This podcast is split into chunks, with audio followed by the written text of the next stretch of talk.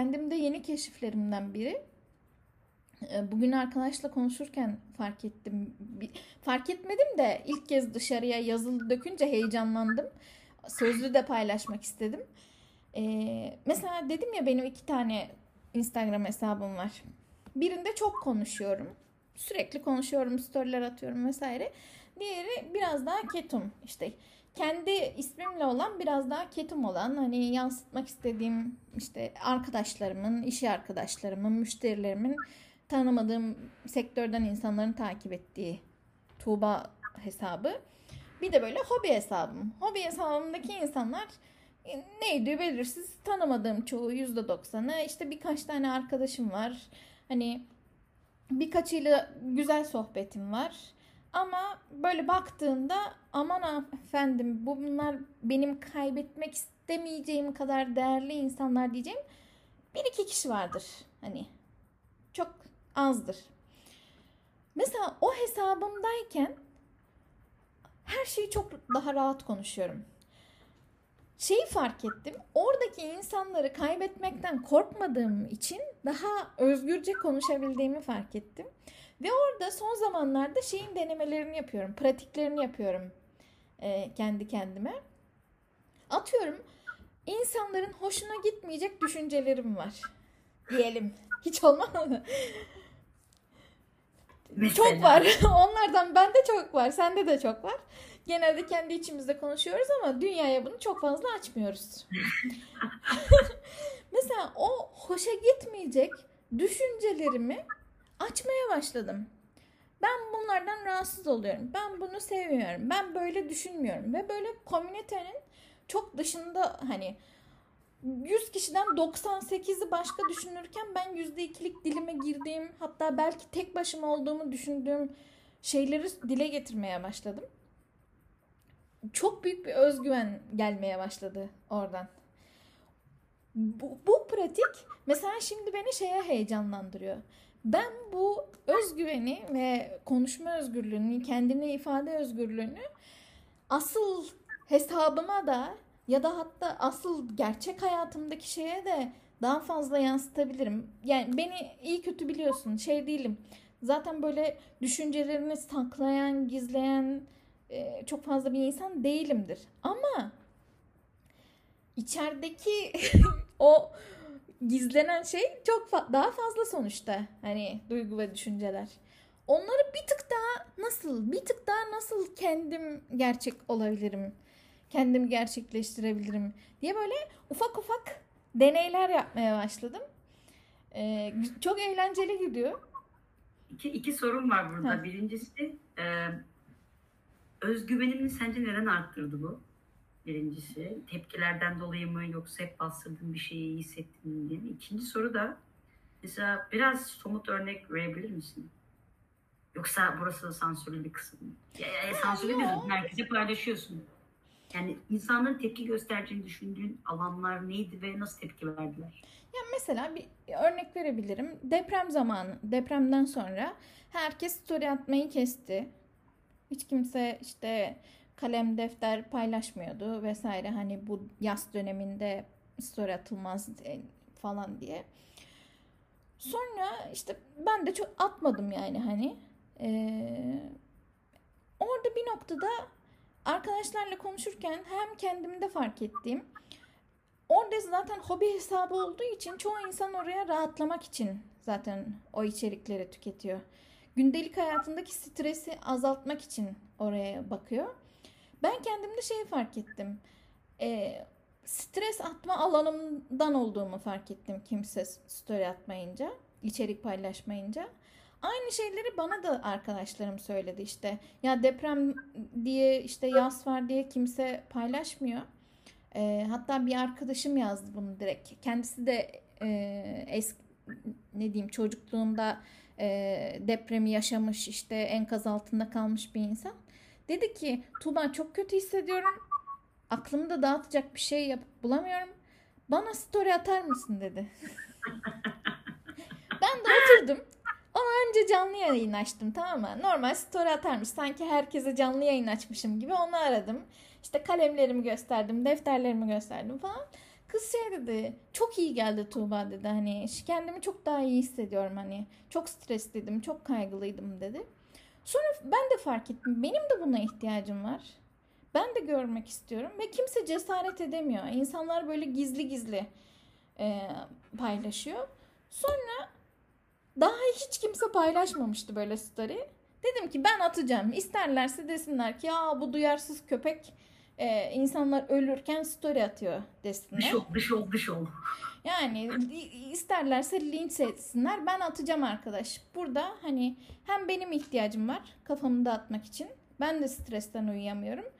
Hem de bunu görecek insanlarım var. Sonra ben story atma, attım birkaç tane. Ben atınca diğer insanlara da cesaret geldi. Ufak ufak onlar da bir şeyler paylaşmaya başladı. Sonra işte iyice şey oldu tamam mı? Hani benim attığım taşla arkamdan bir gürük gelmeye başladı. Ben cesaret edemeseydim onlar hala belki bekliyor olacaklardı. Ya ayıp olmasın. Hani Devrimler de böyle oluyor Tuğba. Devrimler de böyle oluyor. Evet mesela hani eee, yakın zam- hatta dün mü bugün mü yeni yeni paylaştığım bir şey. Eee, sürekli tekrar aynı şeyler aynı içerikler paylaşılıyor tamam mı? İşte biri bir şey alıyor herkes aynısını alıyor. İşte biri bir story atıyor herkes aynı cümlelerle aynı storyleri atıyor vesaire. Hep böyle bir taklitçilik, orijinallik yok vesaire aynı şeyler var. Ee, herkes bunu ikili konuşmalarda konuşuyor ama kimse dile getirmiyor. Ben dile getirdim. Dedim ben bunlardan çok sıkıldım. Ben şu tarz storylerden çok sıkıldım. Ben şundan çok rahatsız oluyorum. Şu şu kelimeyi duymaktan bile tiksiniyorum artık falan diye öyle. Söyledim böyle anlattım. Sonra eee, arkadaşlarım yazmaya başladı. Ben böyle yine linç bekliyorum her zamanki gibi.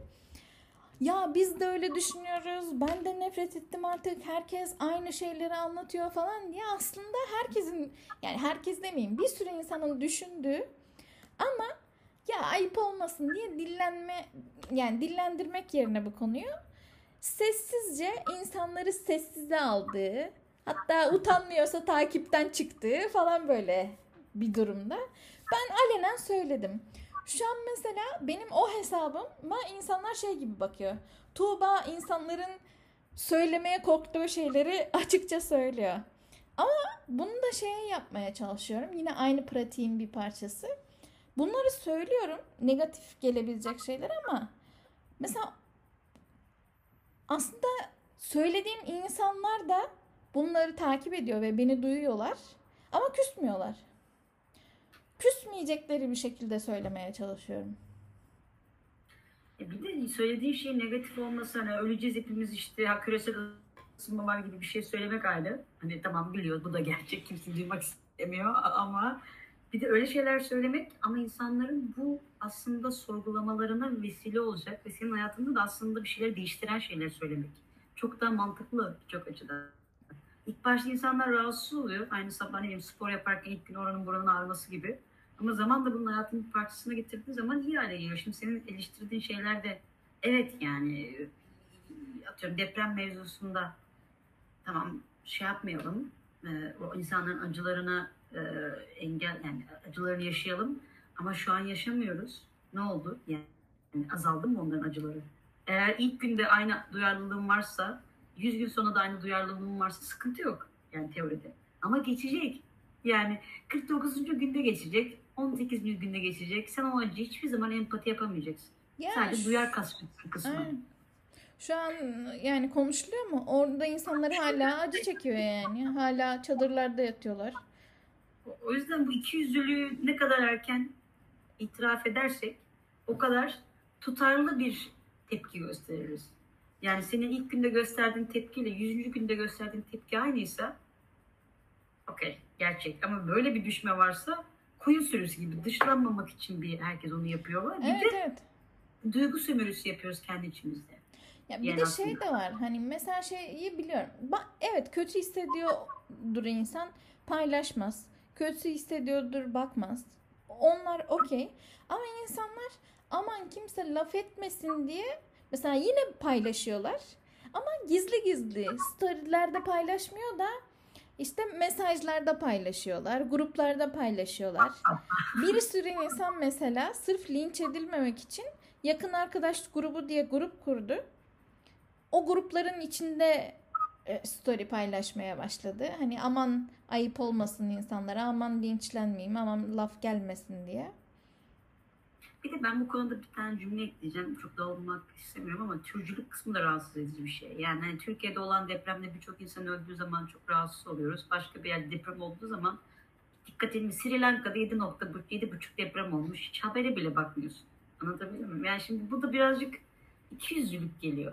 Yani ben hani insan olmanın da çok abart, oralara girmeyeceğim. Abartıldığını düşünüyorum ama yani bari tutarlı olalım. Yani biraz ırkçılık gibi oluyor. Türk öldüğü zaman tabii ki daha yakın hissediyoruz kendimizi. Ama bunun da farkında olalım. O Sri Lanka'da birazcık ağla ya. Anladın mı? Ona da biraz üzül. Hani biraz bilmiyorum şey gibi geliyor. O ikiyüzlülüğün de farkına varalım. Gibi hissediyorum.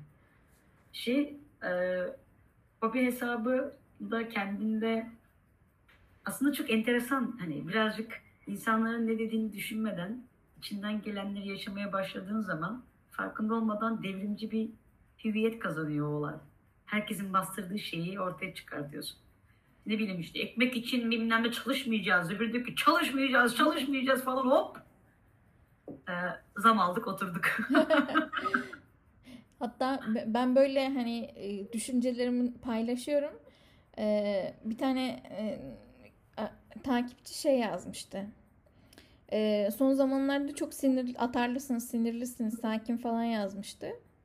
Ben de şey oldum tam ya ben tam tersine ben şu- duygularımı şu an zamanında negatif duygularımı zamanında paylaştığım için tam tersine çok daha sakinim hayatımda. Ben asıl paylaşmadığımda içime attığımda sinirli bir insanım. İçime içime sinirli bir insanım yani.